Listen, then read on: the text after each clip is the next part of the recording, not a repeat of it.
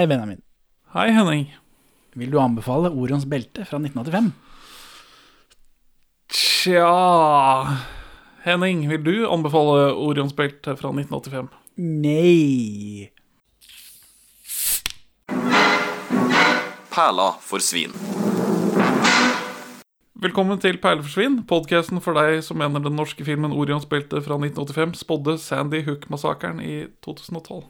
Vi er to middelmådige menn i 30-åra som ser norske filmperler, eh, og i dag så skal vi snakke om en asterisme, altså et mønster av stjerner som ikke er et av de offisielle stjernebildene. Stjernene Ja. heter fra venstre mot høyre da Alnitak, Zeta Orionis, eh, som egentlig er et trippelstjernesystem, Alnilam, Epsilon Orionis og Mintaka Delta Orionis, som er et sammensatt stjernesystem. Orions belte er naturligvis en del av stjernebildet Orion. Jeg visste ikke jeg trodde Orions belte bare var tre stjerner. Ja, det ser sånn ut for oss apekatter som sitter her nede på jorda. Men Ja. når du først eh, Hvis du studerer skikkelig, så er det ikke det, Så du skrur på Hubble og tar deg en titt for eksempel. Så er det flere stjerner. Orion da, er jo en halvgud i gresk mytologi. En jegergud som sies å ha vært utrolig sterk, og han bar på en stor klubbe av rent jern. Sånn som sånn så jeg gjør. Så det er ordet hans veldig, da. Ha det bra, Benjamin. Takk for i dag. Takk for at du hører på Perler for svin. Nei da, jeg bare tuller. Det er jo ikke det vi skal snakke om. det det? belte er også i sentrum av uh, klassikeren Men in Black, er den ikke det? Det er mulig det er lenge siden jeg har sett Men in Black. Jeg ser bare treeren, jeg vet du, den beste. Ja, det er sant. Men Orions belte-filmen er basert på Jon Michelets roman av samme navn fra 1977. Bok av eh, kamerat Michelet. Kamerat Michelet, det er jo pussig at han var såpass med på denne kapitalistfilmen. Ja, men uh, Eller altså er det noe kommunister liker bedre enn penger, så vet ikke jeg. Husker du filmen vi har sett? Med eh, altså, kosmetikkrevolusjonen. Ja, Der blir Michelet og hans venner på denne tiden gjort uh, grådig narr av. ja. Ref at jeg kalte han kamerat Michelet.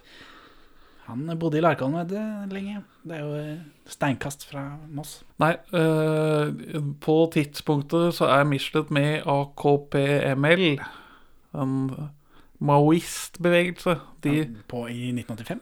Nei, når han skriver boka, da. Ja, 77. For jeg tenkte, hvor lenge varte dette her? AK det var jo død på 80-tallet. Ja, det døde vel i 19, på slutten av 70-tallet. Men de sokner ikke til den stalinistiske marxismen, de sokner til den maoistiske. Å, ja, det er mye bedre. Tja. Så, men det, det, det tror jeg er grunnen til at han kan være så sovjetkritisk og Nato-kritisk på samme tid, fordi han sokner til et tredje alternativ i denne polare verden han bor i. Ja, for jeg tenkte at det var litt rart eh, med denne For dette er en veldig russlandskritisk film, og Jon Michelet eh, er jo kjent kommunist, så Ja, er fikk vi forklaringen der. Han Maoist, er kineserfan. Vi er jo i eksil i dag, så hvis det er noen ekstra lyder, så eh, beklager vi det selvfølgelig. Og så kan vi bare ta Sandy Hook med en gang. Båten i filmen her heter Sandy Hook. belasta navn blitt. Ja, Sandy Hook er jo en landtunge i Monmouth County i New Jersey, USA. Men det er jo ikke det vi forbinder. Hvis du googler Sandy Hook, så får du ikke opp båten i Orions belte eller denne sandtunga. Det er vel den skoleskytingen som troner eh, som tristest, slik jeg forstår. Det er vanskelig å skille de fra hverandre, spør du meg. Ja, men altså, ikke for å være helt eh, Pelle filosof her, men det er, det er altså En kjip fyr i klassen din på videregående bestemmer seg Eller en fyr som har det kjipt, og eller er kjip Eller han blir jo veldig kjip av å drepe alle. Uh, skyter opp skolen sin. Veldig trist. En fyr som har stengt seg bort fra resten av omverdenen, drar til en lokal barneskole og henretter en hel førsteklasse pluss litt attåt. Det, det, det er veldig trist. Ta saken, da. 14.12.2012 tar 20 år gamle Adam Lanza seg inn på Sandy Hook Elementary barneskole, da. eh, Og dreper 26 personer, inkludert 20 barn mellom 6 og 7 år. Så det er det som eh, dukker opp da hvis man googler det. Jeg, tror ikke vi skal gå så dypt inn i det, men NRA, National Rifle Association, skyldte på at Lanza likte å spille videospill. Eh, I, I den endelige rapporten til eh, The State Attorney, eh, advokat, statsadvokaten, publisert i 2013, så trekker de fram at han spilte masse spill både voldelig og ikke, og han var veldig glad i Hvilket spill tror du han var veldig glad i? Eh, GTA. Dance Dance Revolution. Å ja. Det spillet med hoppematte. Sandy Hook-massakren er også et av ureksemplene som konspirasjonsteoretikere bruker eh, når de snakker om crisis actors Ja. og false flags og sånt noe. Så det, De som tror at alt er all, Hver eneste massakre er iscenesatt for at de skal ta våpnene deres. Det, alle, det er ingen som dør på ordentlig, det er bare skuespill alle sammen. så alle foreldrene som har blitt frarøvet et barn mellom seks og sju år, blir trakassert av våpengærninger som mener at de Ja, bare, ljuger om de mener at det bare er skuespill for at eh, de skal ta våpnene deres. Og, og, og nå, da, etter Det er jo snart ti år etter Sandy Hook, eh, så er det jo ikke våpen i USA lenger. Så det funka jo. Ja, helt klart. Så det er Hvis du googler Sandy Hook, så Men denne, denne film, grunnen til at jeg mener at denne filmen spår Sandy Hook-massakren, er at det første, praktisk talt det første som skjer i filmen, er at vi ser at det er på en båt som heter Sandy Hook. Det er amerikanske turister som ser på isbjørner og annen fauna i arktiske områder. Og en av de, disse amerikanske turistene begynner med en gang å skyte på en isbjørn. Altså, det første som skjer i filmen på båten Sandy Hook, er at en amerikaner skyter på noen ikke burde skyte på. It's a polar bear, all. But it's yellow. Looks kind of shabby to me. I thought polar bears were white. eh, Så sånn er det. Orions belte-filmen, da. Eller først Svalbard. Ja, Har du vært på Svalbard? det har jeg ikke. Har du vært på Svalbard? Jeg har vært på Svalbard. du. What the fuck? Ja, du har vært er over en- hele verden. er Globetrotteren Henning. Det er en del av podkasten at jeg forteller hvor jeg har vært eh, når vi ser det på film her, da. Men Svalbard er Det er norsk territorium. Ja, eller det er en øygruppe. Ja, Spitsbergen er Hovedøya, hovedlandmassen. Ja, og Longyearbyen er Den største norske bosetningen på øya. Eneste norske bosetningen på øya. på Spitsbergen, ja.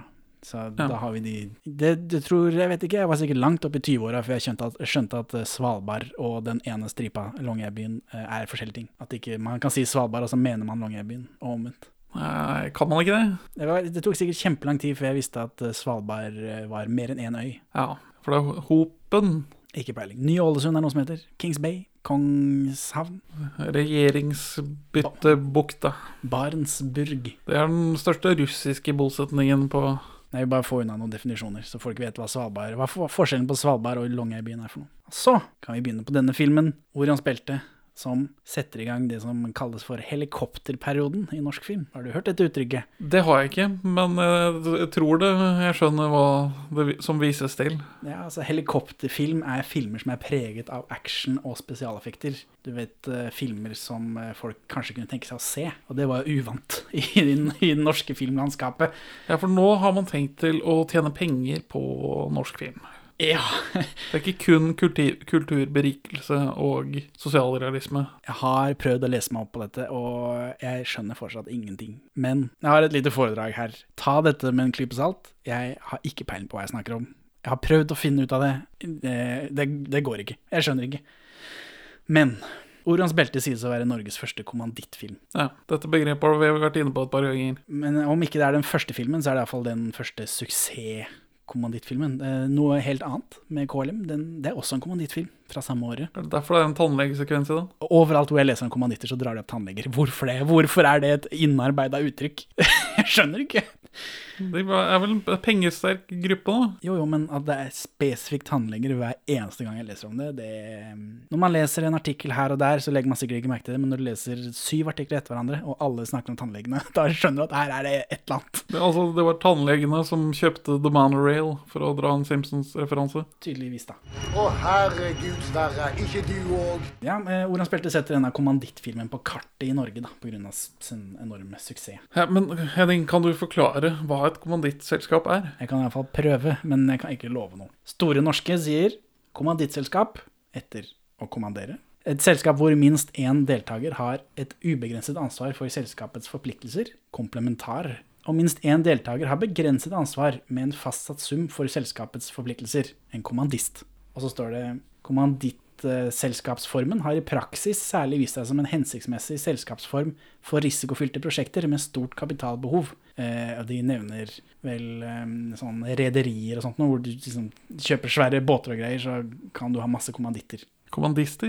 Ja, kommanditter. Ok, jeg tror du sa kommandist i stad, men det får så være. Kommandittist er sjølve ordet. Men okay. eh, som sagt, jeg kan ikke noe om dette. Jeg kommer til å bruke alle disse tre forskjellige ordene om hverandre. Men hvordan kommer dette inn i norsk film, liksom? I april 1970 fikk kulturminister Einar Førdes storting ja til å utarbeide en filmreform. I 1970. 70. Filmfolket gleder seg. I elleve år. I september 1981. Ting tar tid. I september 1981 la Arbeiderpartiet regjeringen frem stortingsmeldingen 'Filmen og samfunnet', hvor de egentlig sier at norsk film er ræva. Eller eh, at norsk film, sitat, 'har vanskeligheter med å finne et stort publikum', eh, og at dette, sitat, 'avspeiler også en mangel på gode og originale manuskripter og regelmessig erfaring og dristighet'. Så de sier at eh, norsk film er ræva. Ja, men de prøver å forklare det, i det meste. og Ikke bare Eh, vet du hva annet som skjedde i september 1981, Benjamin? Det, det vet jeg ikke. Eh, Da vinner Høyre stortingsvalget. så eh, så eh, i 1983 så legger de fram sin egen stortingsmelding, hvor de er mest opptatt av det økte kostnadsnivået i norsk film, selvfølgelig. Og de er også litt bekymret for at ingen gidder å se disse filmene, men de har eh, løsningen. Privatiser. Ja, naturligvis. Det er jo løsningen på alle verdens problemer. Ja, i hvert fall hvis du er fra Høyre. I støtteordningen av 1964, altså lenge før dette, så var det krav om 10% egenandel hvis du skulle eh, få filmstøtte. Altså 10% egenandel i filmens budsjett. Men det ble ikke fulgt i praksis. Så denne høyreregjeringen strammer inn på det, da. Og enda viktigere for denne filmen, eller for vår samtale her, Høyreregjeringen godkjenner at filmproduksjoner organiseres i kommandittselskaper, som gjør det mulig for private investorer å skrive av sin eh, eierandel på skatten, også den delen som er finansiert av staten gjennom statsgaranterte lån. Eh, Og jeg vet ikke om dette Jeg vet ikke om jeg har forstått det riktig. det høres eh, veldig for godt ut til å være sant, men dette gjelder jo rike folk. Så det kan i, i, under en høyreregjering, så det kan hende stemmer. Det, hører, ja, det høres ut noe de dumme blå kan finne på. Og, og dette her, store bokstaver, jeg tror det fungerer omtrent sånn eh, som dette. Hvis du har 100 kroner, så kan du kommandittinvestere dem og skrive deg på skatten, og attpåtil få utbytte senere. Tro, tror jeg. Ja, Men det hørtes så nesten ut som om man kunne låne penger fra staten Og skrive deg på skatten. for å putte det inn i en kommanditt-gamble. Ja, jeg tror det. Men det virker som eh, Orion spilte, jeg tror de, de hadde ved 600 000 solgte billetter eller noe sånt, men det koster jo noen millioner da, å, å lage dette. Så jeg tror det eneste man egentlig Forutsatt at filmen din fungerte og tjente penger, så tror jeg det de egentlig tjente på, var eh, skattefradraget. Tror jeg. Er det inntrykket jeg har fått. Ja, Men så, etter oljekrakket i 1987, så strammer høyreregjeringen inn, så bare de rike får være med på dette. For før dette så var det alle disse eh, tannlegene, da. Er småsparerne. ja, folk som har mer penger enn de som ikke har så veldig mye penger, men som har litt til overs. Da kunne du liksom sette inn på det. Eh, Men etter 1987 så blir de eh, gunstige skattereglene eh, gjelder bare på summer over en million, og på kommandittselskaper med mindre enn 30 personer. Så hvis du har veldig mye penger, hvis dere er tre stykker som har veldig mye penger, over en million da, i dette kommunistselskapet ditt, så da kan du få de samme, men ikke hvis du er sånn småpar. Det det blir så dyrt. Og dette gir i praksis stopp på alle kommandittfilmer, fordi Ja, det, nå er det disse båtene som står igjen, eller sånn oljebåter og sånt. nå. Det er de som bruker, jeg tror de bruker kommandittselskaper ennå, ja. uten at jeg kan noe om det, som sagt. Men så hvor lang periode var det det var kommandittfilm? Mm, 83 til 87, men det er jo en del eh, kommandittfilmer som er i gang i 87, så det kommer jo kommandittfilmer. Ja. Eh, Camilla Tyven er en kommandittfilm, 1988 kommer den ut. Så det kommer enda noen filmer i de årene etter. Eh, Og etter skattereformen under Brundtlands tredje regjering i 1992, så blir de resten av fordelene borte også, egentlig. De fleste. Bladet Film og Kino oppsummerte i 1988 eh, med at kommandittistordningen ikke hadde fungert fordi film kaster så lite av seg, som nevnt da. Eh, Selv Orions spilte. Eh, Og her står det jo, de, de skriver 700 000 solgte billetter. Så lå egentlig gevinsten i skattefordelen. De skriver også det var ikke publikum som holdt hjulene i gang, det var staten. Så det var, til sånt, det var vel noe sånt høyreregjeringen hadde sett for seg, da. Tømmerrenna i Dyreparken i Kristiansand, også et kommandittprosjekt. Hæ? Har de tømmerrenn i det hele Ja. De hadde det da, i hvert fall. Eller Ja. altså på 80-tallet en gang, da. Så, så det er Jeg tror det er det som er kommanditt. Jeg, jeg vet ikke. Jeg, det er vanskelig for meg å forstå noe av det. I'm going to make sure lots of people ask a lot of questions and nobody can stop me. Hvis jeg ikke får noe svar her, Bakke, kommer jeg til å sørge for at en masse mennesker stiller en masse spørsmål, og ingen skal stoppe meg. Denne filmen har en shot for shot remake på engelsk, som er to minutter kortere. Regissert av Tristan di Vere Cole. Tristan en annen, Cole, en annen regissør, ja. Eh, Men jeg trodde den filma parallelt, jeg. Ja, det tror jeg også. Jeg vet ikke hvorfor den har fått en annen regissør. Ola Solums neste film, dette er jo en Ola Solum-film å vite, er Turnaround fra 1987. En helt engelskspråklig film, men med norske skuespillere. Ai, ai, ai, ai. Det er også en kommandittfilm, da. Men jeg tror det er en kommandittgreie hvor de skal tjene penger på norsk film i utlandet. For Camilla Tyven har også en engelskspråklig remake, selv om ikke jeg har klart å finne den noe sted. Det står iallfall det på internett, det er ikke sikkert det stemmer. Men jeg tror det er en kommandittgreie, fordi det går ikke an å tjene penger på norsk film i Norge. Ja, nei, så prøve å gjøre det litt internasjonalt. Ja. Men én ting jeg drev og funderte på når denne først er opptatt, uh, tatt opp på to språk, og det er veldig styltete norsk teaterskuespill mange steder i filmen. Veldig, veldig mange steder i filmen. Så funderte jeg på kan det være fordi hovedfokuset har vært på å lage den engelskspråklige? Det er nok bare fordi det er teaterskuespillere, tror du ikke det? Vi har jo sett plenty av norske filmer som ikke har engelske remakes, og de skuespillerne skuespillere er mye det samme. Men eh, jeg, jeg foreslår denne som en vi kan se igjen på engelsk språk senere. Hvis jeg kan finne den, så. Men jeg, har, jeg fant eh, traileren. Men, så, så her er det beviser da, for at det eksisterer, i motsetning til eh, Camilla Tyven, hvor jeg ikke finner spor av det. In the name of secrecy, the world cannot know the truth. In the name of justice, he cannot be silenced. Orion's Belt, the story of one courageous man's desperate flight to freedom. Hype-apparatet rundt denne filmen beskriver, den, beskriver filmen som Norges første actionfilm, og som en mannefilm. Og det, for det ser jeg nå at de sier, men de sa det da også, på, i 1985. Tror jeg skjønner hva de mener. Det er, og er det skrevet av en brite, da, så jeg vet ikke om det er Hæ? Kamerat Michelet? Nei, boka er skrevet av Kamerat Michelet, men manuset er skrevet av en britisk fyr. Wow. Wow.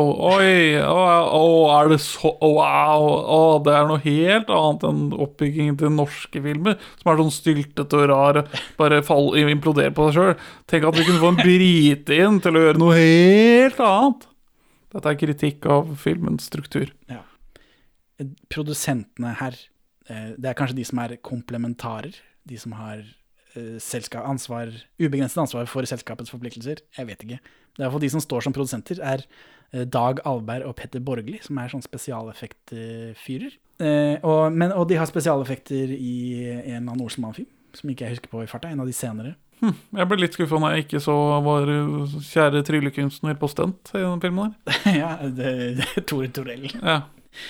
Eh, nei, det er ikke det. Det er ikke han, nei. Men det er stunt Nei, det er spesialeffektfolk som nå Som nå tar på seg ansvaret for å lage en kommandittfilm med masse spesialeffekter. Men uh, det er mye bra spesialeffekter her, da. Ja, ja. Det, er Ikke altså, noe å ta på det. det kommer vi til, men uh, jeg ble til tider veldig imponert. Ola Solum, da. Kjenner du det navnet? Nei. 'Reisen til julestjernen', eh, 1976, er hans debut. Ja. Eh, Han var på 70-80-tallet en, en, en regissør, norsk eh, regissør som lagde store filmer som 'Reisen til julestjernen', som hadde rekordbudsjett og Orionsbeltet og sånt noe. Og så døde han ganske tidlig, han var vel ikke 60 engang, tror jeg. Jo, og eh, den der Kvitebjørn kong Valmon også, han. Ja, men da kommer vi til å dyppe de lubne fingrene våre det meste han har lagd etter hvert, da. Ja, ja, ja. Det, det gjør vi nok. Så det er noe sånn. Åssen eh, starter denne filmen, da? Jeg, jeg var litt nervøs for at jeg hadde fått tak i den engelskspråklige versjonen, for den starter på engelsk. Den åpner med noe arkiv- naturklipp, så det er sikkert billig, da. Og så er det Helge Jordal med noen amerikanske turister. Ja, og så noe veldig, veldig klein 80-tallsmusikk. Altså først er det synt, billig synt.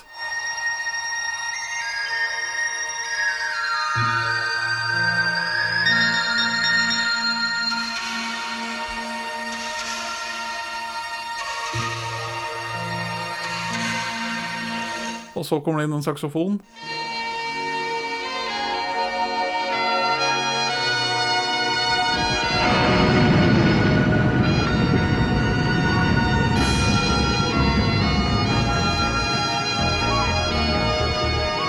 Og så kommer det inn elgitar.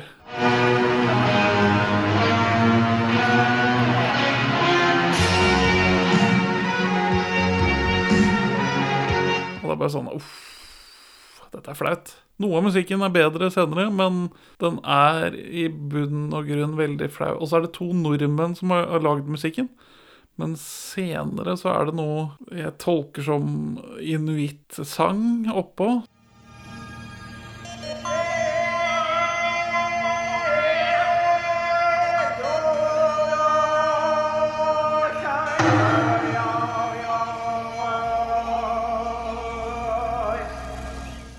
Ja, det, det er veldig mye snakk om eskimoer i løpet av filmen, og det er vel også et begrep som ikke brukes lenger. Ja, det er vel det. Det var ikke altså fortsatt i bruk på den tida, men altså Eskimonika Er jo ute nå. bare for noen måneder siden. Men Eskimo-begrepet har vært kansellert av de begrepet omfavner veldig lenge. I hvert fall siden tidlig 2000-tall.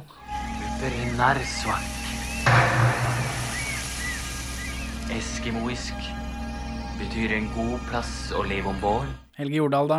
Hva syns du? Han har Jeg ser så på IMDb-en hans. Han har, etter denne filmen, som jo blir en breaking eh, smash-suksess, så har han gode 15 år hvor han er ganske aktiv på fyrfronten, men etter 1999 så er det nesten bare kortfilmer, og det ser man ikke så ofte. Nei. At noen er så aktiv på kortfilmfronten. Hm. Men Helge Jordal, altså Han blir hele tiden beskrevet som, eh, som kjekk mannemann i, liksom, i, rundt når dette skjedde, og i ettertid, egentlig, når de ser tilbake på spilte. Hvordan var det å liksom være Norges eh, førsteelsker, eh, kjekk mannemann? Og han er Jeg, han er, han er, jeg ser det ikke. Han er, han er ikke pen, men han er sånn mannesexy. Ja, han er, det er, han er sånn lotepus-type. Har noen sett Helge Jordal og lotepus i samme rom? Nei, det er sånn. Han, er, han har ansiktet hans og dialekten hans og framtoningen hans. Det er, jeg tror de er samme person. Jeg, jeg har ikke hatt lineær-TV i Lottepus-æraen, så Men eh, Helge Jordal er, er jo en vandrende bøtte med karisma. Han er en ekstremt karismatisk type. Jeg driver og ser House igjen sammen med min eh, samboerske og vårt avkom. House of Cards. Nei, nei, nei den, ikke den, men House. Og hun, hun snakker litt om det at uh, Gregory House Altså, skuespilleren er ikke noe sexy, men karakteren er sexy. Og Helge Jordal har litt den Han har den pondusen som menn slipper unna med. Er ikke Hugh Laurie like sexy i uh, Blackadder? Nei. For meg, socks are like sex. Tons of it about, and I never seem to get any. Ja, jeg har notert at Eller jeg har spurt meg selv Er Helge Jordal en bedre skuespiller enn- enn de andre, eller er det bare den dialekta som dekker over igjen? For det er et problem jeg har. Og eh, Han spiller, ja, han spiller dårligere enn Nei, han spiller bedre enn de andre, men er det pga. dialekta? Det er litt uklart. Ah, altså jeg noterte at det er en tysker som prøver å skyte et isbjørn. Nei, bist amerikanischer. Jeg tror det er en tysker, for det er det jeg har skrevet ned. feil. Men Helge Jordal stopper dem. Er los? Give me my gun back. Herr Jensen, we were told to carry guns. To protect yourself, but not to hunt. Så, men Jordal tar jo denne gunneren, da, og så pælmer han over bord. Men så har han bind i en snor på, så han svindler til seg en gunner. Eller først truer han vel med å kaste amerikaneren av båten. Når amerikaneren Tyskeren? Amerikaneren. Ja, det blir sagt skeise, det er greit. Så det, det var den uh, åpningen. Men jeg trodde det var Helge Jordal som var skeise. Jeg vet ikke. Jeg har skrevet tysker, jeg vet ikke Ja, han, han er, det er amerikanske Alle de der er dumme amerikanske turister. Jeg finner ut av det i klippen, antar jeg. Henning fra Klippestudio her, det var en tysker. Ah, scheiße. Sverre Austdal er også med i denne filmen. Er, er det Sverre som er sjefen på båten her, eller? Det er det. Han er ikke på båten per nå. Han er kapteinen. Dette anarkosyndikalistbåtforetaket her. Altså litt uklare lederstrukturer. For når de får satt av alle disse turistene, så kommer Sverre Austdal inn da, og han har fått Han har ordna seg et forsikringssvindeloppdrag. de skal kjøre en bulldoser fra et sted til et annet, men så skal de miste den i vannet, sånn så han som eier den bulldoseren, kan få forsikringspengene. Og så mener jo Sverre Austdal at eh, vi trenger ikke å miste den, vi kan bare si vi har mistet den, og så kan vi selge den til en annen fyr. På Grønland. Ja. Dansker på Grønland. Og så får vi se noe Svalbard-greier, da. Der er det dette forsamlingshuset som de går forbi. Der er jeg går forbi. Eller som de er i. Der er jeg gått forbi. Du har ikke vært innom der og drukket alkohol? Det var stengt. Ja, for Svalbard er et rart sted. Svalbard, da jeg var der i 2017, tror jeg, så hadde da Det var i mars-februar. Fortsatt mørketid. Da hadde de vært varmest i landet i en uke. Så det var bare sørpe overalt. Jeg kunne ikke gjøre noe gøy. Det var snøscooter og sånt noe var helt utelukka, fordi det var jo knapt snø. Dette var rett etter de begynte å få snøskred i, i Longyearbyen der, fordi det er blitt for varmt. Ja. Og da har eh, Svalbard, eller eh, Longyearbyen, da, har én stusslig gate å tilby. Du kan gå opp og ned den. Der er det noen turistfeller. Eh, ja, det, det var stusslige greier. Og så var jeg, med, jeg var innom disse gruvene, da. ja.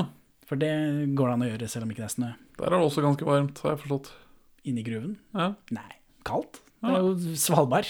ja men altså Det er jo varmt hvis du jobber, sikkert. Inni disse trange sprekkene. Men når du bare går og ser på, så, så sånn er det. Du, er for, eh, du, du fikk sett Norges eneste kullkraftverk. Det er sant. Det, det, det har jeg sett. Og så står alle husa står på påler, da. Det er også liksom hurra. På grunn av frost. Eh, Frost. Permafrost. permafrost, er det. Eh, men altså så, På Svalbard gjelder norsk lov. Mer eller mindre. Og så har vi noe som heter Svalbardtraktaten. Ja, hva er det for noe, da? For altså The League of Nations, for, forløperen til dagens FN, Ja, for den Svalbardtraktaten er vel fra 20-tallet, eller noe? ja, 1920 ble eh, først eh, foreslått i 1919, og så ratifisert i 1920. Av Japan- alle land, inkludert Russland? Ikke alle land, men alle, alle, alle sjøgående land, virker det som. Japan var den siste man ville ha med, og så gikk den inn i effekt etter det. For da var liksom alle store og mellommakter Nei, for Russland er jo kanskje ikke helt enig i ja, men Russland hadde sitt eget å stri med på tidspunktet. Ja, det er sant. og, og, og for Svalbard jeg er- har en veldig juicy geopolitisk posisjon. Den, den styrer en, et område mellom Russland og Storbritannia og USA. Det hadde vært et fint sted å sende ubåter fra. Ja. Og Så, da- andre ting. så dermed, slik, slik jeg tolker det uten å ha satt meg sånn veldig dypt inn i det, så uh, Svalbard har tidligere vært brukt av veldig mange forskjellige land. Først oppdaga av en nederlender som kalte det Spitsbergen. Ikke Spitz Oslo eller Spitz Christiania, men Spitsbergen av en eller annen grunn. Uh, Longyearbyen, Longyear, er jo en fyr. Ja. Gruvefyr, riktignok. Så forskjellige folk har drevet med fangst, eh, prøvd å sette i gang noe mineralvirksomhet, fiske fra det området. Men det er ikke noe lønnsomt for noen av stormaktene at en annen stormakt skal ende opp som herre over Svalbard. Så det virka som et fint kompromiss at disse stae kranglefantene av noen Snøaper oppe i nord. ja, prøvde å hevde sin suverenitet. Det virka som en grei løsning at det lille tullelandet Norge endte opp som Jeg er veldig god i vinter-OL, så det er mulig det hadde noe med, med saken å gjøre. Jeg vet ikke hvor mange Vi har hevda oss der. OL det hadde vært. Nei, ikke akkurat i 1920 var det ikke så mange. Men. Ja, men det, det er slik jeg tolker det. Altså, okay, greit, Norge har noenlunde greit eh, geografisk posisjon for å hevde noe suverenitet over Svalbard, og det, de er ikke store nok til å gjøre en trussel mot noen, og da slipper vi at Slipper russerne at amerikanerne er der, og så slipper amerikanerne at russerne er der. Men Men så er det jo Nato, da. Ja, det kommer inn seinere. Ja. Men Svalbardtraktaten gjør at Svalbard blir et slags Ville Vesten, men under norsk suverenitet. Ja, For det er jo ikke lov å ha noe militært der, heller ikke for Norge. Nei, det er et demilitarisert område.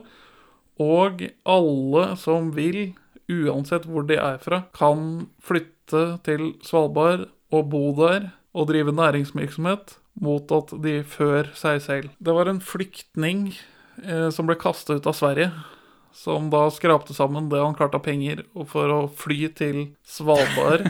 og så eh, gjennomførte han en sånn bytte, bytte starte med en binders bytte seg opp-greie til han fikk tak i en gammel campingvogn som han malte knæsj rød. Og så hadde han kebabvogn på Svalbard mens han prøvde å opparbeide seg rett til statsborgerskap noe annet sted. Hvordan gikk det da? Jeg tror han har flytta til norsk fastland nå, etter å ha solgt kebab i et isøde i 14 år. Det, det Var liker kebab- folk, du. Var kebabvognen der når du var det? Nei, nei, det har jeg ikke sett. De har en kjempestor postkasse der. Ja. Som de sier det er en kinesisk eh, gærning som har satt opp. Hvorfor det? fordi det er, det er posten til julenissen. Og det er noe sånt. De prøver å legge beslag på julenissen eh, i, på Svalbard også, i tillegg til Finland. Og Drøbak. Og Drøbak også. Ja, ja. Dette er en, dette er en fin påkast. Vi kan ikke noe om kommaditt eller om Svalbardtraktaten. Jeg kan litt om Svalbardtraktaten. Ja, men jeg er ikke helt sikker Men inne etter forsamlingshuset, tilbake til filmen, der finner vi Kjersti Holmen. Ja. Din crush. Den ble jo ikke noe mindre nå. Hvor gammel er hun i den filmen her? Jeg vet ikke. Eh, Ikke gammel. Og ser ikke så gammel ut. Kjersti Holmen er samboer med Sverre Anker Austad. På tidspunktet? Nei. Nå? Nå. Sønnen hennes Paul, eh, sønnen hennes er Paul i Askeladden, han tjukke. Ja. Det har jeg ikke fått med meg. Han er født i 87, da, så, og det er ikke Sverre Anker Austad som er faren hans. Så sånn er det. Eh, Men her snakker de om Svalbardtraktaten og Nato-greier. Og eh, de går jo heller ikke dypt inn i dette, det er jo bare for å sette stemninga. Eh, eller 1985, jeg vet alle dette. Alle vet dette på tidspunktet, tror jeg. Men han, når, de, når han forklarer Barentsburg til de amerikanske turistene, og at Barentsburg får lov til å eksistere, så, så sier han vel at a mouse doesn't pick a fight with a bear, does it? For å forklare Norges stilling. Ja, for han sier vel at i Barentsburg så jobber det så og så mange. Ja, de, de klarer å hente ut like mye kull som oss, med dobbelt så mye folk. De er ikke så veldig effektive. Og så henviser han til at ja, det er ganske mange av dem som ikke har så skitne hender. ja, så, men etter dette forsamlingshuset så er det smash cut til post coitus. Post coitus. Helge Jordal og Kjersti Holmen er feid over hverandre. Her får du endelig ønsket ditt oppfylt. Sideboob med nipple fra Kjersti Holmen. Det har du tidligere forespeilet til meg. Og det, Du ja. gleda deg. Hvor han spilte Jeg sa, Det er, jo, det er jo et pent bilde. jeg sa han spilte, du sier nei, det dritten er det gidder jeg faen ikke å se, vi må se noe annet. Og så sier jeg men eh, du får se sidebooben til Kjersti Holmen. Og du bare wow, yes, den må vi se. Jeg har lenge vært positiv til Orions belte, fordi jeg har fått Det var et humorgrep. Oh, ja, oh, ja. Du er ganske vakker. Så de har feid over hverandre, da. Det er tydelig at det er et eller annet der. Holmen sier at Jordal er pen. Jeg er uenig. Han er, han er mannepen. Mannesexy. Ikke, ikke sånn modellpen, men sånn Dette er hva en skikkelig kar skal være. Sexy. Spør din kvinne, og du vil få svar. Jeg vet ikke om jeg tør. Nei. Brått så stikker hun av med lotepus. Men Kjersti Holmen øh, gjør den klassiske Vi prøver å skremme vekk denne mannen med forpliktelsesangst. det er vel klassiske Jeg vet ikke om hun prøver å gjøre det med vilje. Hva er det hun sier? Jeg vil ha et barn med øh, Alt noen må si er 'jeg vil ha et barn med deg', ellers går det ikke. Hva, faen? ja, faen, Det er bare bare, det er bare dikt jeg har lest. Han vil jo bare være sjørøver, eller hva faen det er for noe. Han vil bare kjøre rundt den dumme båten sin og gjøre drittoppdrag på Svalbard. Eh, han går rett på ekstern emosjonsregulering og drikker whisky. Og Hvordan får jeg gå av vaner her oppe? Jeg vil helst prate om noe annet. det er vel ikke lov å få barn på Svalbard? Eh, De har ikke noe sykehus der, så det er ikke så lett. Nei. Eller, eh, folk har jo født uten sykehus i eh, århundrer, men ja, det er ikke noe sykehus der. Rett ut på tundraen, liksom. Ja. ja. Det, er ikke, det er jo heller ikke lov å dø der. Så Kommer en isbjørn og spiser morkake. nam-nam-nam. Du er som en frosk i en brønn. Du ser opp, og så ser du en liten blå flekk, og så tror du det er hele himmelen. Oh, uh, var det der Ibsen eller Forman Mao? Formann Mao, tror jeg. Så noe humor på om det er Ibsen eller Mao, så det kommer noe sånn maoisme-humor inn her. Ja, er det direkte fra sjølveste Michelet, tror du? Ja, det ville jeg faktisk tro. Åssen går det med Marte Michelet, forresten? Hun får masse kjeft og kommer snart til å bli dratt for retten, virker det som. Oi, altså. Ja, for det er dattera til Jon, er det ikke det? Det er det. Ja. Min analyse av Marte Michelets uh, litt uh, mageplask inn i norsk historiedebatt, er jo at hennes far har jo skodd seg på å være veldig kul ved å være krigsseilernes forsvarer. At han har eh, gjort et, en jobb for å få deres problematikk opp etterpå. Ja, han, Den dårlige han, behandlingen. han og han Berserkfyr nå er vel sånn krigsseilertype. Ja. Husker jeg ikke hva han heter i farta. Jarle Andøy. Det var det. Altså Greit nok at uh, Jon Michelet har eh, tatt reperen. Dødd. Eh, så eh, jeg, får litt inntrykk av at så halvveis uh, Michelet har gjort det, at hun har lyst til å få den samme rollen bare for de norske jødene. Altså gå i sin fars eh, fotspor, bare på en annen gruppe som har fått litt kummerlig behandling i norsk etterkrigstid. Og det gikk sånn halvveis for henne.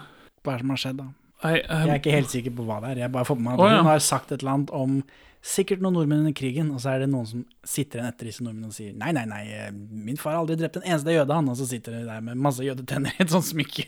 Marte Michelet er journalist, ikke historiker. Det er et skille der, det skal jeg komme tilbake til. Jeg, okay. jeg, studerer, jeg studerer historie, så jeg er litt Bias Bernhoft, det innrømmer jeg. Eh, Men jeg skal, jeg skal komme tilbake til dette. Men hun har i hvert fall skrevet en bok som heter 'Hva visste hjemmefronten?'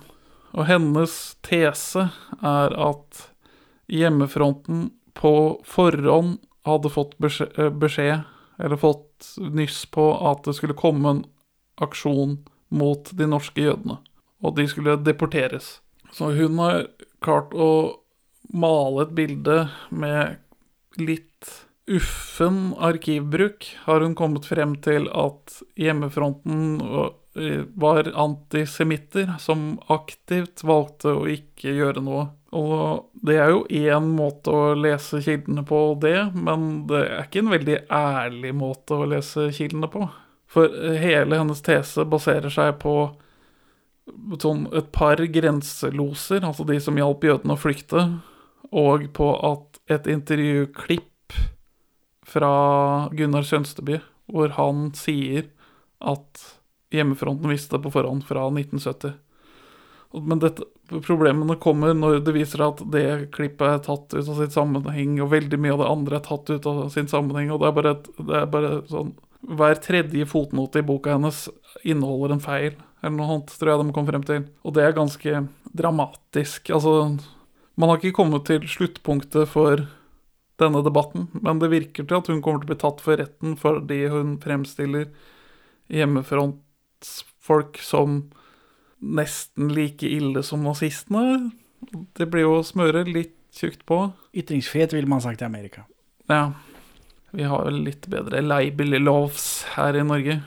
Men altså, det er, det er helt klart Det går an å problematisere det, men sånn så Altså, hvis man skal se ærlig på den øh, aksjonen som kom mot jødene i Norge Hvis man ser på hva som finnes av kildemateriale på hvordan den operasjonen oppsto, så var det noe som skjedde kontrollert fra tysk hold når det bydde seg muligheten at å, en tysk båt som har levert varer til Nord-Norge, militært materiell, skal reise tom tilbake til Tyskland. Det er noe som kicker i gang ganske fort, på et tidspunkt òg hvor Milorg ikke er noe oppbygd. Det fins ikke en stor hemmelig stat i Norge som har kapasitet til å bare trylle alle de norske jødene over til Sverige. Og ingen, ingen, ingen hadde anlegg for å anta at den typen aksjon som var i ferd med å komme, skulle ta den formen den gjorde, og skje sånn. Altså, Jo Benkow, den kuleste høyrepolitikeren jeg veit om Altså, det var, det var ikke mulig å vurdere nazismens grusomhet i samtiden. Fordi hvordan, hvordan kan man forholde seg til noe som er så umenneskelig kaldt at man har tenkt til å utrydde et helt folkeslag i gassovner eller ved skyting? Det, det, det, er, det er forbi fatteevnen. Man kan ikke bare oversette det, de Hitlers taler om hvor han sier at oh, jo, vi skal utrydde jødene til å ja, de skal gjøre det som et fabrikkoppdrag. Altså, Jo Benkow sin familie, de kom frem til at eh, vi, vi tror eh, mennene kommer til å bli satt i arbeidsleire. Fra hva vi hører og skjer rundt omkring i Europa, så tror vi alle mennene kommer til å bli satt i arbeidsleire. Så i Benkow-familien så tok alle voksne menn og rømte over til Sverige, fordi de antok at kvinnene og barna ville være trygge igjen i Norge. Til den effekt at hele, alle i Benkow-familien under 18 år, og alle kvinnene ble utryddet. Det, altså, Marte Michelet maler en historie som forenkler fortiden til en sånn svart-hvitt-greie, og at hjemmefronten må ha visst, og dermed har de aktivt gjort noe antisemittisk ved å ikke agere. Er- det er veldig uklart. Men jeg har et sitat her som er helt sinnssykt avslørende for hva forskjellen på en journalist og en historiker er. Når jeg begynte på bachelorstudiet i historie, så hørte 400 år siden. For 400 år siden eh, så hadde jeg, jeg hadde fått med meg at historikere ofte snakka dritt om journalister. Altså Jeg var bare sånn satt der på første semester og bare sånn ja, Men jeg har jo ikke ennå lært noe, noe verktøy som ikke er tilgjengelig for en journalist når han skal skrive en historie. Så jeg, jeg, ser ikke hva skillet er. Men nå, nå begynner jeg å skjønne. Men jeg, jeg har et, eh, et, et historikerstudenttidsskrift intervjuet Marse, Marte Michelet før denne kontroversen ble en kontrovers. Så, og da spør de henne om hvordan det er å skrive historie som journalist, og da har jeg et sitat her. Jeg kom inn i et forskningsfelt utenfra, uten en historiefaglig utdannelse i bunn. Jeg har aldri studert historie, men historieskriving er ikke så veldig ulikt journalistikken. En helt sentral del for begge fagene er å utvise kildekritikk. For både historiefaget og journalistikken handler om å finne så mange ting som mulig som kan bekrefte ens påstander, før en publiserer noe. Dette er da ikke sånn en historiker jobber. Jeg ser du har bilde av Marte Michelet på T-skjorta di, og så står det 'Jugendpresse' under.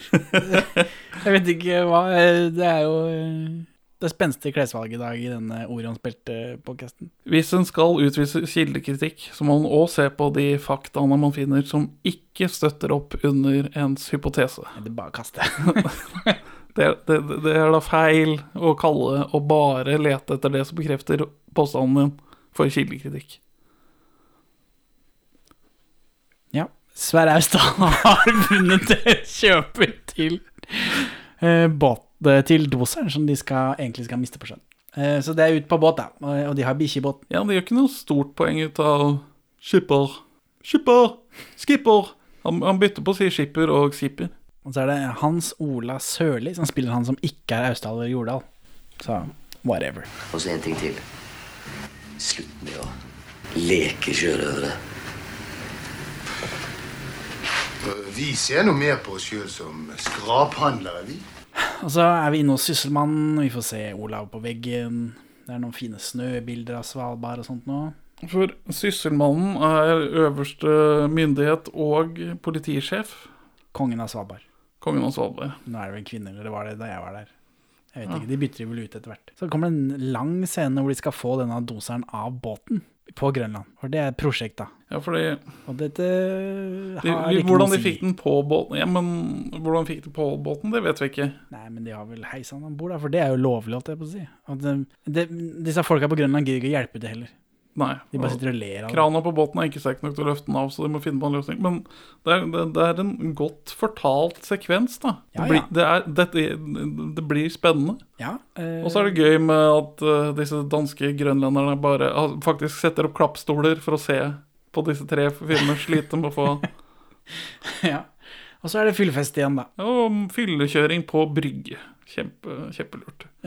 ja, vi får se hvordan disse lever, da, tror jeg. Jeg tror det er det de driver med og viser oss nå. Og så driver Austdal og skyter på blink, og det er skyting allerede. Jeg visste at det er action her, men Ja, det er andre gangen det er skyting i filmen. Han driver og kaster ølbokser i vannet og skyter. Og han er ganske god til å skyte. Det er for så vidt en slags give-out. Ja, og så er, det, så er det storm i havet der, og de er ute og kjører denne båten etter at de har levert fra seg den bulldoseren. Men det er jo veldig tydelig at det er bare noen som står off eh, kamera og kaster vann på dem. Når vi ser skuespillerne, da. Den båten er utafor litt sjø, det stemmer. Ja. når de filmer skuespillerne, så er, da tror jeg de står på jar, ja. og så er det noen som spruter på dem. Jeg opplevde at båten gynget godt da òg. Eller jeg, jeg tenkte ikke over på at dette var veldig falskt. Nei, men det, det er effektive bilder uten skuespillerne. Ja, ja, jeg likte begge. Eh, De får noen problemer med styringen, da, så de må legge i land manuelt eh, på en eller annen stein. Jeg fikk ikke med meg hva det var. Ja. Det er vel en eller annen Det- bitte liten øy et eller annet sted. Ja, de har mista kontroll på Ror, er det det heter. De som er så maritime. ja, de- må inn på Kippertøya. Det er det nærmeste. De må manuelt drive og dra i roret for å styre båten. Det er ekte mennemenn på sjøen der. Ja, ja, ja. Og her får vi se svalbardrein, som har kortere ben enn vanlige reinsdyr. Ja, en slags dachs. Kortere, De er nærmere jorda enn andre, enn andre reinsdyr. Har de lov til å skyte på den nå? Ikke peiling. Det føltes som de ikke hadde lov Hva til. som er lov og ikke lov, ikke peiling. Men du må jo ha gevær der på Svalbard. Det er jo eneste liksom, sted i Norge hvor det er geværpåbud. Gikk du med gevær når du var på Svalbard? Jeg hadde ikke anledning til å gå ut av Longyearbyen, og der trenger du ikke gevær. Nei. Arrogante jævler. De gir fullstendig faen. Og så holder de på å krasje i et skjær, og det er litt spennende. Men, men på Akkurat når de skal legge land, ja. Men nei, nei før, før de bestemmer seg for å legge i land Jo, når det er storm, da. Men Ja. jeg har lagt i land allerede, for den biten her var ikke så interessant. Men 2608 har jeg notert meg, og da må du gå inn og hente dramamusikken der. Som er noe av det mest parodiske jeg noensinne har hørt. Det er sånn dun, dun, dun, Bare at gjort med 80-tallssynter. Så det låter helt jævlig.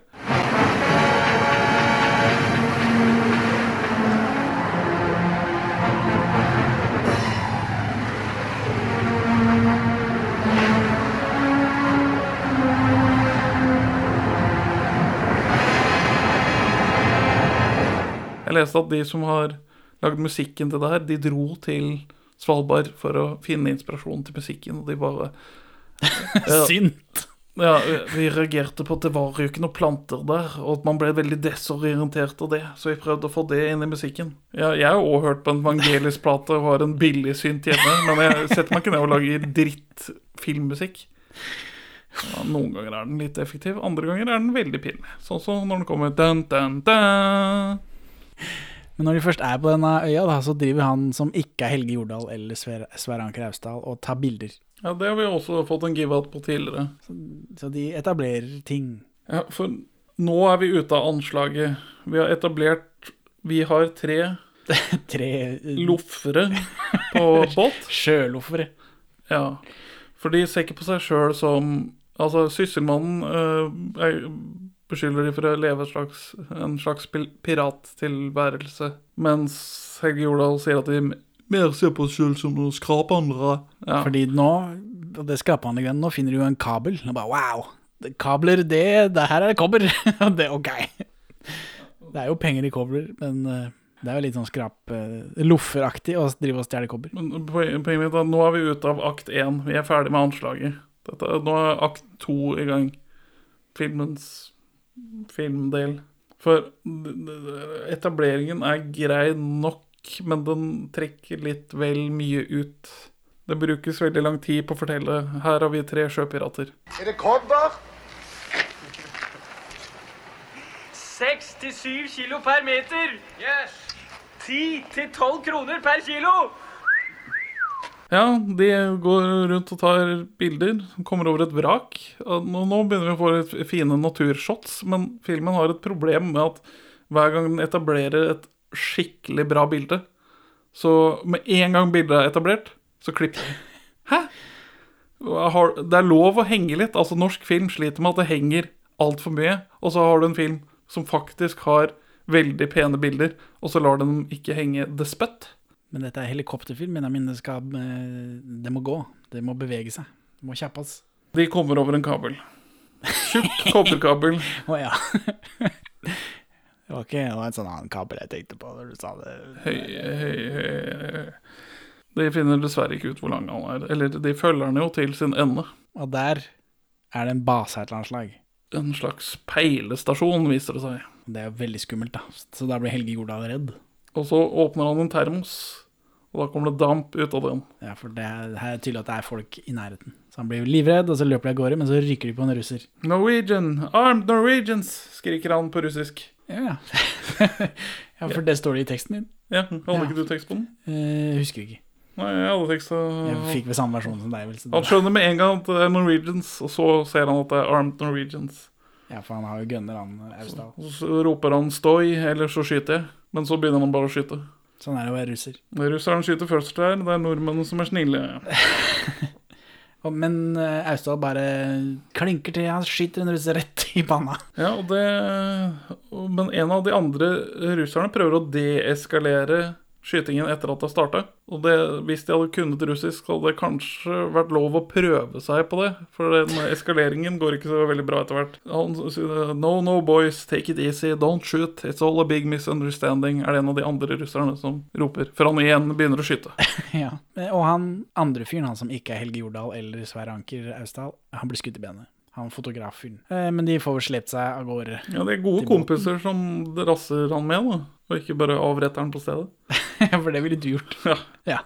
Ja, men Det er greit å vite sånn i tilfelle podkasten befinner seg i kamp. Det er mye snakk om eskimoer som ikke er lov lenger. Og så er det ute i denne båten, og så, det, så kommer helikopteret. Helikopter i sjølve helikopterfilmen. Dette helikopteret er opphavsnavnet til helikopterfilmen. Jeg antar det også er dette helikopteret de bruker til å filme deler av filmen. Helt sikkert. Det er ikke så superimponerende helikopter. Men uh, russerne tar også og blokkerer eh, radiomeldingene deres. Så de får ikke eh, kontaktet sysselmannen for å innhente hjelp til å hevde nøy- nøytraliteten. Det er tåke, da, så de helikoptre de finner vel dem ikke Nei, ikke, denne gangen. Ikke, ikke først. Vi får bare helikopteret over. Rottenikken driver og speider ut over. Hva er en rottenikk, da? det, det er en, mot, en, en, kriminell fra Bergen. Og navnet på Helge Jordals karakter i Basilmus. Jeg er krimmens suverene tungvektsmester, professor i urett på kun ett semester. Med kronjuvelranet i dronningens borg, som fylte hver londoners hjerte med sorg. Det er ikke verst, må jeg si, men det skal det ganske snart bli. Ok.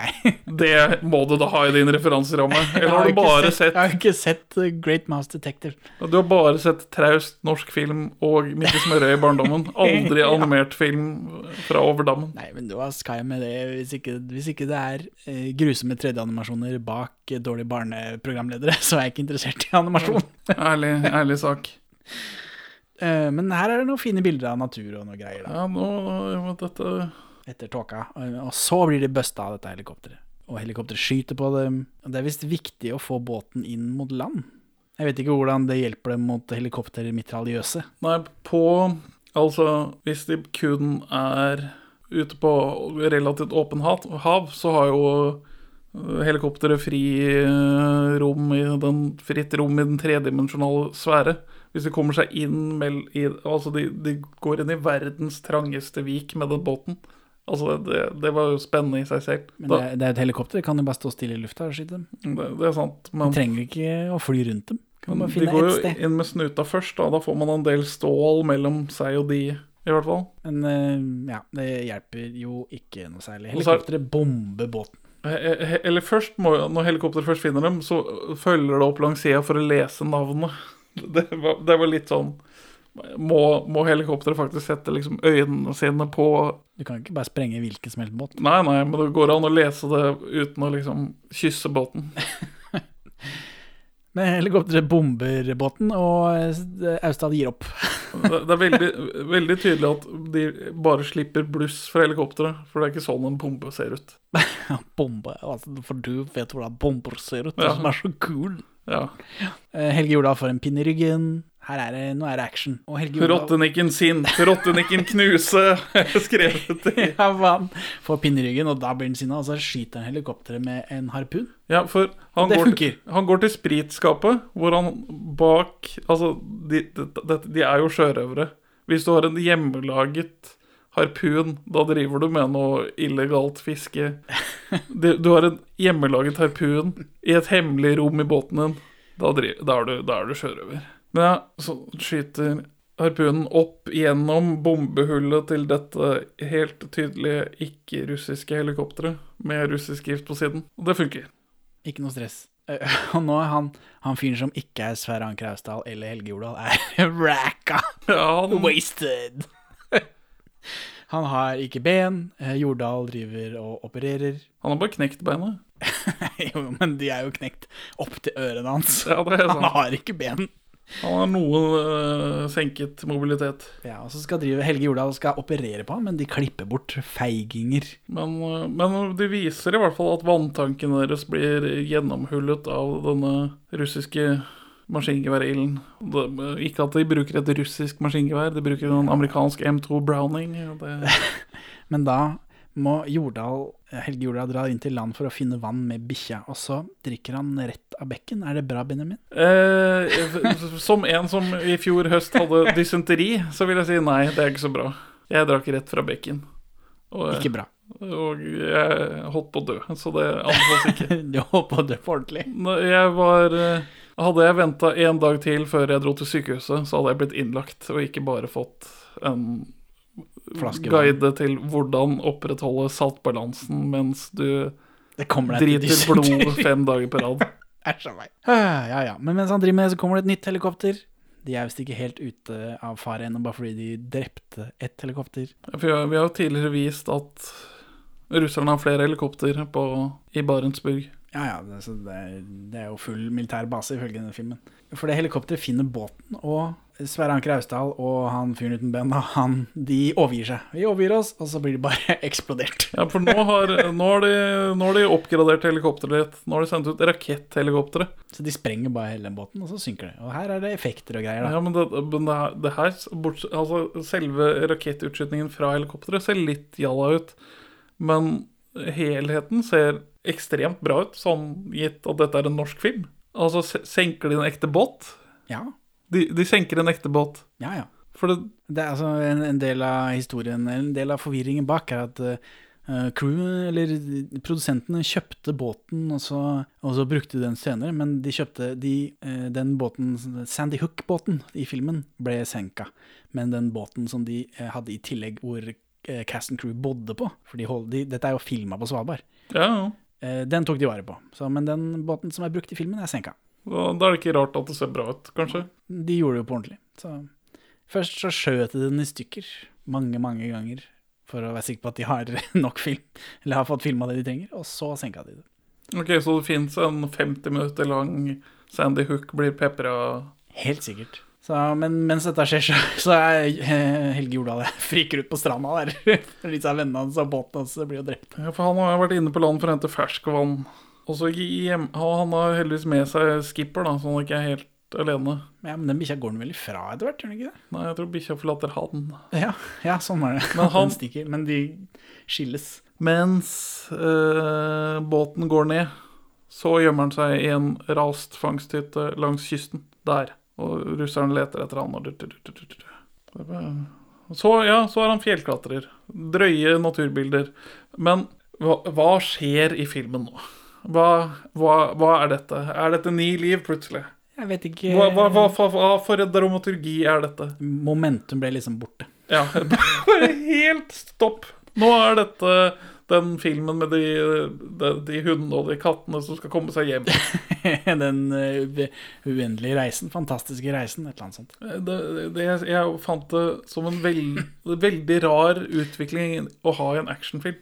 Ja, Og eller, bare- Nå har de brukt De har ikke mer helikopterbudsjett. Er, er det det som skjer? Jeg antar det. det fordi nå har de sprengt den båten. Nå er det bare Helge Jordal igjen. Nå må vi følge han en stund, da. Jeg trodde Sverre var the big dog. jeg.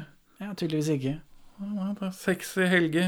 Å, dæven. Så får Jordal han klatrer i fjellet, og så faller han i en elv, og så finner han en låst dritthytte. Og han sitter og fryser, og for å løse dette, så tenner han bare på hele hytta. Ja, for han får ikke fyr på primusen. Så da Ja, altså Greia er jo at han er våt. Hvis man fortsetter å være våt i Arktis, så dør man. Ja ja, men hvis man ikke har Nå er tydeligvis Det er ikke noe stress, dette. Det er ikke som man har tenkt å bo der. Filmen forteller det ikke helt tydelig Altså, for filmen forteller ikke tydelig nok til oss at det er kaldt ute. Nei, for det er jo ikke så mye altfor mye snø. Det er bare det er bart. Ja, så, men, men, jeg skjønner jo at det ikke er noe særlig å gå rundt på Svalbard kliss blaut. Jeg, jeg, skjønner at han må tørke seg, men det men virker At løsningen er å tenne på hele hytta det, Nå har han endelig har funnet eh, sånn ly, og så bare Nei, tenne på det. Det eh, var pussig. Men så viser det seg at han har ikke tenkt å være der, så det er ikke så nøye, da. Tydeligvis. Og da stikker bikkja. Ha det bra, skipper. Skipper, skipper, skipper, skipper, skipper, skipper, skipper. skipper. Men det var rart. Eh, hvorfor det? Han syntes vel det var idiotisk, da. Her hadde vi, Vi fant så altså, det der. svære hundehuset. Og så er det, etter dette så er det mer Helge Jordal som går. Uh, og det er veldig Han finner noen gamle togspor. Det er veldig mye greier her til at det skal være så øde. Han finner, ja, men altså, det har vært veldig mange mislykkede næringsforetak på Svalbard.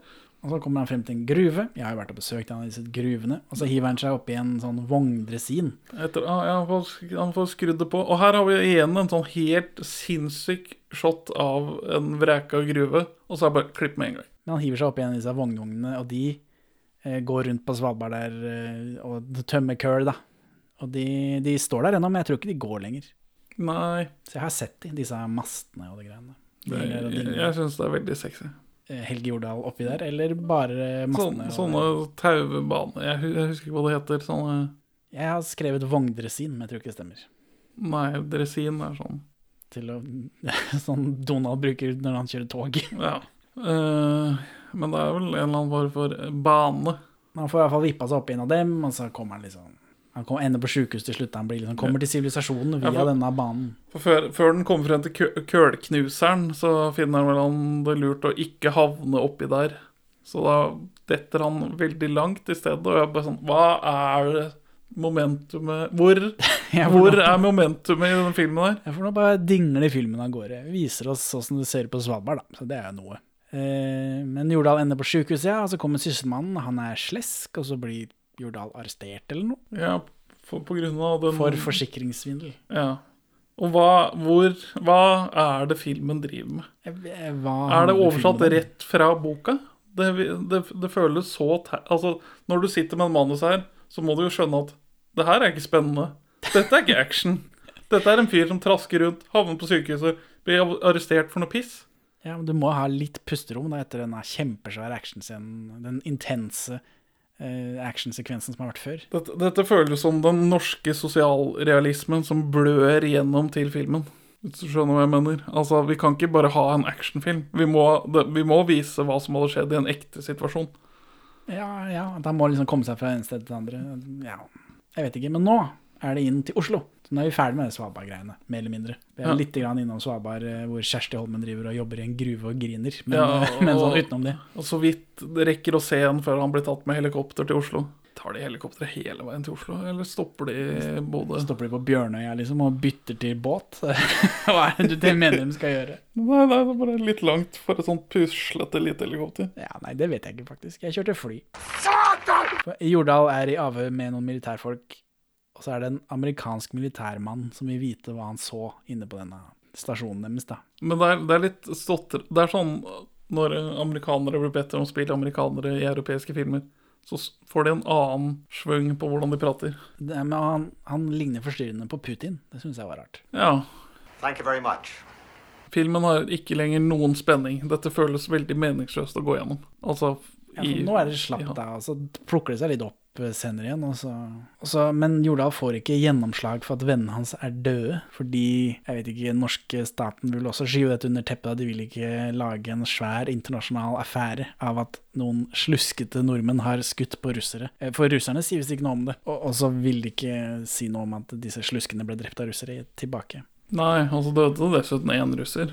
Ja, ja, Men russerne sier jo ikke noe om det. Nei. For de skjønner at vi skal ikke lage noen internasjonal affære her.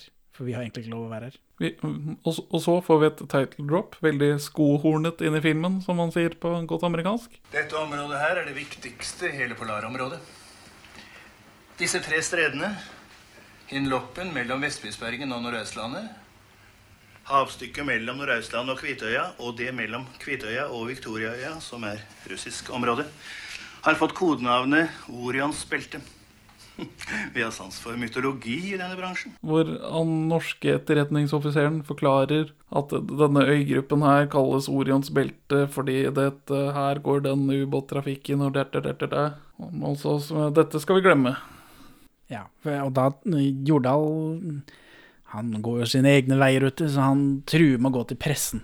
Eh, For han, det er veldig viktig for han at disse vennene hans er døde, og det er jo sånn filmforståelig. Men, men, disse, men det gjelder rikets sikkerhet, sier disse embetsmennene. Og så får han ny identitet, og de er liksom helt uh, innstilt på at uh, Helge Jordal får eh, rote rundt som han sjæl har lyst til. Men du kan ikke si noe om det, bare. Så jeg syns de er sånn tålig eh, hyggelige, holdt jeg på å si. Det er ikke mm, Hva heter det? Ja, altså, og Helge Jordal sier at når de, de har skaffa han jobb på en båt, og så bare «Nei, Det går ikke, jeg er svartelistet. Ja, for han har fått ny identitet, altså, da var det ikke noe problem. Ja, men og det virker også som en grei oppgradering for hans del. Ja, altså, de ordner ting for han. Ja. Men han er ikke interessert, da. Eh, og så er det eh, Han blir tatt med ut i en bil, da, for han er jo sånn eh, motvillig. Og han vakten der sånn, det er Jarl, Jarl Goli. Ja, det så jeg òg med en gang. Ta en potet. Ta gjerne fire, ta åtte, ta alle. Ja, ta en potet. Dem og kok dem og spis gjerne skallet, men ta en potet. Eh, po- purung Jarl Goli. Ja, jeg kan- han kan alltid vært ung. Ikke nå lenger. Så jeg på Google-fotoet her. Ja, Ja. Google-foto, nei, Google Image Search. Jeg har ikke bilder av Jarl Goli på min Google-foto. Eh, Og så kjører denne bilen rundt, og så her er det karneval i Oslo. Og det er så tematisk fint til vår podcast-episode, ikke til filmen. Nei. For karnevalet i Oslo er Det er enda et nydelig eksempel på 80-tallets kapitalisme. Oslo-karnevalet var en stor festival som i årene eh, 1983 til 86 gikk av stabelen i Oslo sentrum med mellom 50 000 og 100 000 deltakere. De ble Altså, karnevalet ble startet av anarkistiske husokkupanter, og ender med en kommersiell fyllefest som blir forbudt. ja. Så det første året så er det noen noe anarkister som starter dette karnevalgreiene. Nå skal vi kose oss, liksom. Moro med karneval. Og så året etter så blir det selvfølgelig, som alle andre sånne husokkupanter, så blir det oppløst. Fordi flat struktur og alt det greiene, det funker aldri. Og da er det eh, en annen eh, Da blir det plutselig et styre, da. Så da blir det liksom satt opp, da blir det en organisasjon rundt dette karnevalet i Oslo. Og så blir det så mye fyll av helvete at de Oslo kommune, som da selvfølgelig er med å et dette de første årene, eh, bestemmer seg for å forby hele greiene. Så det blir tre harde år da med karneval i Oslo. Ett av de er 1985. Ja, så, så flaks for ordet og spilte. Men dette kan jo ikke ha vært med i den eh, originale filmen, da. Så. Eller originale boka. Men det er en journalist Jeg så her på Wikipedia at det er en journalist, Terje Mosnes, i Dagbladet, i, i artikkelen 'Olé, olé, pisserne kommer', som prøver å forklare hvorfor dette Oslo-karneval ikke fungerer. Kan jeg ta hele dette sitatet, for dette var morsom lesning? Kjør på. Oslo-karnevalet var gøy en stund, men det var også en kollektiv oppvisning av frykt for å være norsk, og som sådan en forsert spontanitetstrening. Sikkert bundet i ekte ønsker om forandring av folkesjela, men i realiteten en forvirret halvhappening der lånt identitet til slutt ble oversvømmet av det norskeste av alt. Den sanseløse, ravende, knusende, sparkende, spyende, kranglende, skrytende, pissende, gråtende, knivstikkende og besvimende norske urfylla. Gi faen-fylla, la andre rydde opp fylla, her kommer vi det gøy-fylla. Den som prøver å stanse oss, spenner vi nesebeinet inn på fylla. Det blir liksom ikke skikkelig samba av et livsgledeoverskudd som først må svelges ned, rett fra flasketuten. Jeg syns det minner litt om pride, bare at ingen rydder opp etterpå. Ja. Er det inntrykket jeg får. Og det ser veldig rart ut på norsk. Altså de bildene her av Av karneval. Ja. Ja. Men her får vi se Karl Johan, da, og her har jeg vært Benjamin. Ja, jeg òg. Og da- han løper vel forbi der dronningens kebab ligger. Og... Spikersuppa, der har jeg vært. der. For Helge Jordal rømmer da, fra Jarl Goli. Ja, og få lighter fra han, og så trimme lighteren sånn at det blir sånn stor flamme. Ja, helt enorm flamme som bare ja, blåser opp i trynet Ja, men hvis du ødelegger den der eh, ventilmekanismen og kjører den hardt frem og tilbake, så får du sånn svær Helt så stor som du får i den filmen her. Mm. Ja, ja. Jarl Goli har jo en del eh, hårspray i håret, så det er jo livsfarlig. Så han eh, rømmer, løper av gårde, og så ringer han Kjersti Holmen fra en telefonkiosk. Og ber henne fly til Oslo. Og dette får eh, staten, The Man, eh, med seg. For de har vel av litt av Kjersti Holmen, sikkert. da. Og så får vi se Fornebu. Her har Olsmannen vært. Og så Jordal skal treffe Holmen, da, men han etterretningsfyren er der. Han velger jo det, det, det minst uh, han, han, velger det mest inconspicuous stedet å møte noen i Oslo. Teaterkafeen. ja. ja. Det alt alt at Kjersti Holmen skal sitte der, og det gjør hun. Men så sitter også han etterretningsfyren der, så da blir han eh, Helge eh, Jordal skremt. Så han rømmer alene rundt omkring i Oslo. Og så blir han, kommer, han er på kaia, og så kommer Der har Olsmannen Olsenmannen også vært. Ja, og så kommer Jarl Goli i en bil, og da blir han redd igjen. eh, Helge Jordal, da. Så han rømmer av gårde. Og så han, Helge Jordal ringer igjen da, til restauranten fra en telefonkiosk. Inne i utestedet Waterfront. Og, og, og, her, og dette er Sånn gjorde man i gamle dager. Hvis du vet at noen er på en restaurant, så må du ringe restauranten og be de fortelle dem hva, hva de sier for noe. Kan ikke bare ringe rett i mobilen. Og så ber Helge Jordal ber Holmen om å møte han da, på Waterfront, som er et utested som fantes en gang. Ja. Og så kommer Kjersti Holmen, og så er det veldig spennende fordi han er jo jaga greier. Og så kommer Kjersti Holmen, så finner hun Helge Jordal død. Filmslutt? eh, Spørsmålstegn har jeg notert. LOL! Filmen er slutt. Nedtur. Ja, men For nå har filmen pr igjen prøvd å bygge opp noe spenning, men det er på det rareste bakteppet. ja, altså Fra båten blir sprengt til Helge Jordal brenner ansiktet på eh, Jarl Goli. så er det ganske labert. Men så tar det seg opp igjen, for nå er det jakt, og det er litt sånn spennende musikk. Så, men så er det veldig det, Karneval i Oslo er litt sånn det, det er fremmed for oss som sitter her i 2021. Og, og, men det bygger liksom til noe. Kjersti Holmen sitter der inne, det er en etterretningsfyr der. Helge Jordal er en jaget mann, og så er han en død mann med en gang. Og det, det var så brått. Og lite motivert. Ja, eller det er jo fordi Jeg- jeg både Russland og Amerika nå er ute etter han. Ja, men ja. altså, USA, da, ikke hele Amerika. Jeg beklager til alle meksikanerne som hører på. Ja.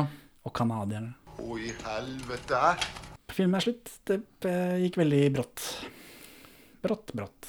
Jeg har fått blitt forespeilet at, av flere opp igjennom at det er rart at jeg ikke har sett Orions belte, siden det er uten tvil den beste norske filmen som er laget. Ja, nei, den har godt rykte på seg. Men uh, skal vi bare gå rett på hvorfor du ikke vil anbefale denne filmen? Tja, hvorfor du kanskje vil anbefale denne filmen? Uh, andre akt Altså, første akt setter opp andre akt helt grei, men første akt er litt lang. Og så er andre akt, som er action-biten, det er ganske spennende og gøy. Dog, den fungerer ikke helt 100% Og så er tredje akt ingenting. Eh, Ja, det, det er en tredjedel av en grei film inni her, men sånn helhetlig så fungerer det ikke. Og det er veldig mye dårlig teatralsk skuespill og noe god action. Men jeg er skuffet. Men jeg, jeg, er, jeg er med på å se den engelske versjonen i fremtiden, om den er å finne. Men jeg kan ikke gi noe annet enn et tja på anbefaling inntil, inntil videre. Så hvorfor vil ikke du anbefale denne filmen, Henning? Fordi det slutta så dumt. Jeg var med. Jeg var med på filmen. Hvor lenge da? Var du med etter at båten gikk ned? For det er der jeg Ja, du får jo en sånn der liten dupp der, men så tar det seg opp igjen. Så jeg var jo da da ser man det i sammenheng. ikke sant? Ja ja, her fikk vi et lite pusterom, og så var det et Svalbard og fine bilder og greier. Jeg skjønner hvorfor dere ville ha med dette. Og så tar det seg opp i spenning, og så pop, ferdig. Beklager. Det var datert, men spennende. Og så slutter det helt uten katarsis. katarsis og det Da ble jeg sint. Så jeg ble skuffa av at han slutta så brått, helt uten forløsning for meg. Det bare liksom Det, det er litt uh, Jeg kjøpte en Stanley Kubrick-boks. Nå liker jo ikke du Du ser jo aldri Stanley Kubrick-filmer, du kan jo ikke noen film. Jeg har sett Har du sett 2001 Space Odyssey? Nå har jeg gjort det. Ja, okay, ja. Jeg likte den ikke. Ja, jeg hadde en helg hvor jeg så flere av disse. Sånn Ice White Shut uh, og, og den 2001 Space Odyssey og litt sånn ymse. Og de, eh, du blir liksom presentert for et spennende eh, miljø og en spennende historie, og så slutter det. og så bare «Åh, Dette er jo bare starten på noe. Hvor er slutten min, da? Jeg, jeg ser CSI, jeg må, ha, jeg må vite hvem som er morderen. Og litt sånn er det her også. at Her er det, det spennende, det skjer ting. Jeg blir satt inn i miljøet. Det er russere her, det er amerikanere der, og så er det Norge midt imellom. Og så er det Helge Jordal, stakkars. Kjersti Holmen er der. Filmslutt. Igjen, da, så er det folk som mener å ha peiling på norsk film, ser ikke så mye norsk film, tror jeg. Nei, det er korrekt. Det er korrekt. Ha det bra da, Benjamin. Bare vi som ser norsk film. Ha det bra, Henning. Takk for at du hører på Perler for svin. Du finner oss først og fremst på perleforsvin.no, men også på Twitter under perler-for-svin, Facebook som perleforsvinpod, eller du kan maile oss på perleforsvinpod at gmail.com. Gi oss gjerne en eh, rating i din lokale podcast-avspiller, og, og legg igjen en beskrivelse, så folk skjønner hva det er for noe tull vi egentlig driver med. Her er ukas Pål Bang-Hansen-sitat ute av kontekst. Ja, Jon Michelet, det var en strålende anmeldelse. Velkommen tilbake fra Afrika. Eh, enkelte anmeldere i dag har skrevet at, du har gjort eller at filmen gjør amerikanerne for snille og russerne for slemme. Mener du også at det er en slags nymakartisme du bygger opp gjennom denne filmen? Nei, det, da hadde jeg gått og hengt meg. Men dere, har dere hørt den historien om åssen det gikk med de folka som eh, fant de første egga til den arktiske måka? Det var bare det at eh, de var så jævla sultne. Så lagde de en kjempeomelett av hele greia. Seinere, da. Når de kom til Tromsø, så fikk de høre at eh, British Museum betalte 100 pund per egg. Eh? Tenk dere det, ja. Tusenvis av kroner rett opp i omelettet. Etterpå så hjulpte de vel opp kokken, da, hva? Har jeg fortalt den historien før, eller? Til Kjersti Holmen, og Jeg bare wow! Yes, den må vi se. Jeg har lenge vært positiv til få- Det var et humorgrep. Oh, ja, oh, ja. Ødela du humorgrepet mitt? Unnskyld, Må jeg klippe ut hele dritten og legge det som det bak eh, på Bang-Hansen-sitatet?